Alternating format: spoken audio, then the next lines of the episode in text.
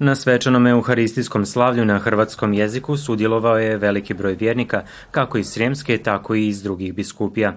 Svetu misu je predvodio pomoćni biskup Đakovačko-Osječki Monsignor Ivan Čurić sa srijemskim biskupima i svećenicima. Ovo mi je kao drugi put da sam biskup ovdje i zaista mi je radost sudjelovati u ovakvim velikim slavljima kada se vjernička zajednica okuplja, prvenstveno biskupijska, ali dolaze vjernici iz drugih biskupija, susjednih biskupija, Subotičke biskupije, Beogradske biskupije, isto tako i Žakovačko-Osječke. To me veseli kad se ljudi okupljaju i žele zahvaliti gospi za sve one milosti i darove kroz poteklo vrijeme, isto tako zamoliti za blagoslov i pomoć za vrijeme koje je ispred nas. Monsignor Čurić među ostalim se osvrnuo na stanje ovdašnje zajednice vjernika. Što se tiče brojčane vitalnosti, ne možemo ne primijetiti kako se e, katolička zajednica ovdje jako smanjila, međutim ona ima ovdje dugu povijest, ima vjernika koji pokazuju i veliku zauzetost, pa se nadamo da će ova zajednica se lijepo i nadalje izgrađivati, a da će i mnogi osjetiti svoju zavičajnu ljubav, pa i ako su otišli, da će se u ove svoje krajeve ponovno vratiti.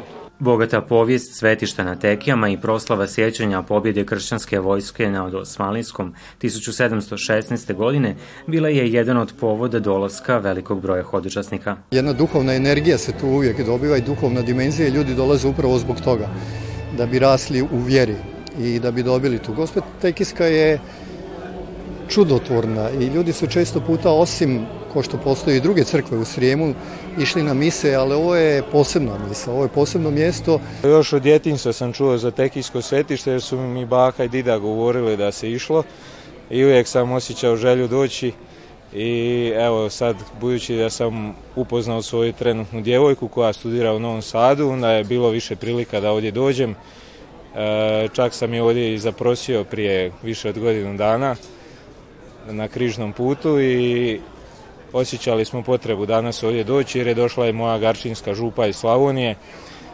E, prvenstveno e, zahvaliti za ovaj naš trogodišnji hod prema braku i kao druga stvar e, zamoliti blagoslov i pomoć gospe Tekijske nakon svete mise uslijedila je svečana procesija sa svijećama kroz ovo Marijansko svetište u kojoj su sudjelovali svećenici i svi okupljeni hodočasnici. Gledate paletu. Izbor iz emisija na jezicima nacionalnih zajednica.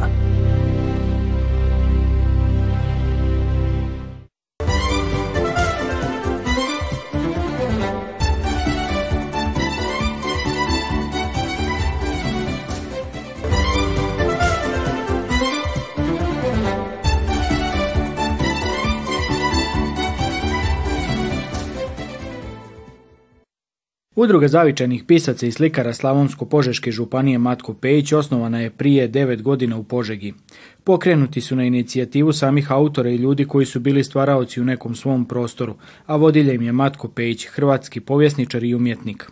Udruga se sastoji od četrdesetak e, što pjesnika što slikara i evo njegujemo e, lokalni govor, e, potičemo izražavanje, književno izražavanje kroz poeziju, prozu, potičemo izdavaštvo naših članova i slikarstvo, svaki način izražavanja kroz likovna djela, organiziramo izložbe i likovne kolonije. Organiziramo mnoge e, pjesničke večeri, gostujemo e, na drugim manifestacijama, organiziramo likovne kolonije e, i izložbe. Znači, naš opus je inspiriran Matkom Pejićem. Matko Pejić književnik, putopisac, slikar, e, akademik, e, pedagoški radnik, jedna vrsna osoba koja evo ove godine e, se obilježava stota godišnjica njegova rođenja. Naša udruga dakle okuplja pisce, a pisci su i pjesnici, i prozaisti, i dramski pisci, i slikare. Jer Matko Pejić, čije ime nosimo, on je bio zapravo profesor na likovnoj akademiji i slikao, ali bio je i, i putopisac, pisao je putopise i on je jedan od najvećih hrvatskih putopisaca, pa smo onda, dakle, kako eto, ima nas jedan dio koji pišemo, jedan dio koji slika, dakle, nazvali svoju udrugu, onda Matko Pejić po njemu i zapravo mi se tako nadopunjavamo i dobro djelujemo i slikari i, i pisci i da razne, razne manifestacije imamo nekad i zajedničko. Oni nešto izlaže na štapelajima svojih radova, a mi tamo recitiramo možda svoje stihove i tako. Naši sugurnici zaključuju kako su nedavno prvi put posjetili Vojvodinu i ostvarili suradnju sa Surčinskom hrvatskom čitaonicom Fischer, na čega su jako ponosni. Gledate paletu. Izbor emisija na jezicima nacionalnih zajednica.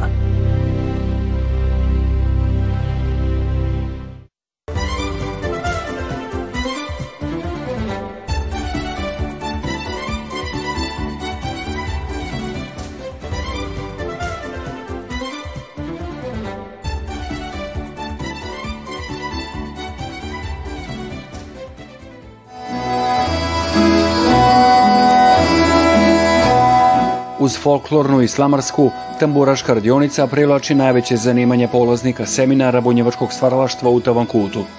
Od njezina osnutka vodi je Vojislav Temunović, profesor i jedan od najboljih poznavatelja tamburaške glazbe bunjevačkih Hrvata. Pa što se tiče tamburaškog orkestra, znači mi učimo e, tradicijske igre bunjevaca, znači bunjevačke plesove svirati, e, određeni broj bunjevačkih pisana, sve zavisnosti od e, tematike E, e, seminar, imamo četiri oblasti, ove godine je prelo, tako da smo prilagodili taj repertoar preljskih pisama koje smo učili e, do sada.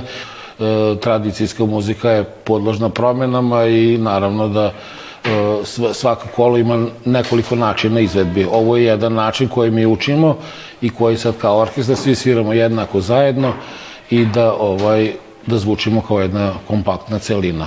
Ali, kažem, postoji još isto to, ta, ta igra melodija na neki drugi način, ali tu je sad već uh, teorija etnomuzikologije koja ne bi ulazio, ali mi se to trudimo da sviramo kako se ovde sviralo prije 50-60 godina, to je zapisano i svi imaju note i tako svi jednako sviramo. Kao i prethodnih godina, u orkestru seminara bilo je desetak polaznika – Hristina Štimac iz Rume prvi je puta u ovome povodu u Tavom kutu. Pa pozvala me prijateljica koja je iz Tavom kuta ovaj, da malo dođem da se upoznam sa tradicijom, sa ovim pesmama i evo drago mi je zbog toga. To, ovaj, dosta se razlikuje ove pesme od pesma koje mi sviramo i ovaj, kao što sam već rekla, drago mi da se upoznam sa nekim novim stvarima, da naučim nešto novo, da upoznam neke nove ljude i tako. Mislim da je nekako bitno da se upoznajemo sa nekim novim stvarima i da donosimo u naše krajeve nešto novo i zato sam prvenstveno i došla ovdje. Seminar bunjevačkog stvaralaštva u Tavom kudu održan je uz potporu Hrvatske matice iseljenika sredinom srpnja. U Stamborašku održane su folklorna kao i radionica za gajde te kolonija nejeve u tehnici slame.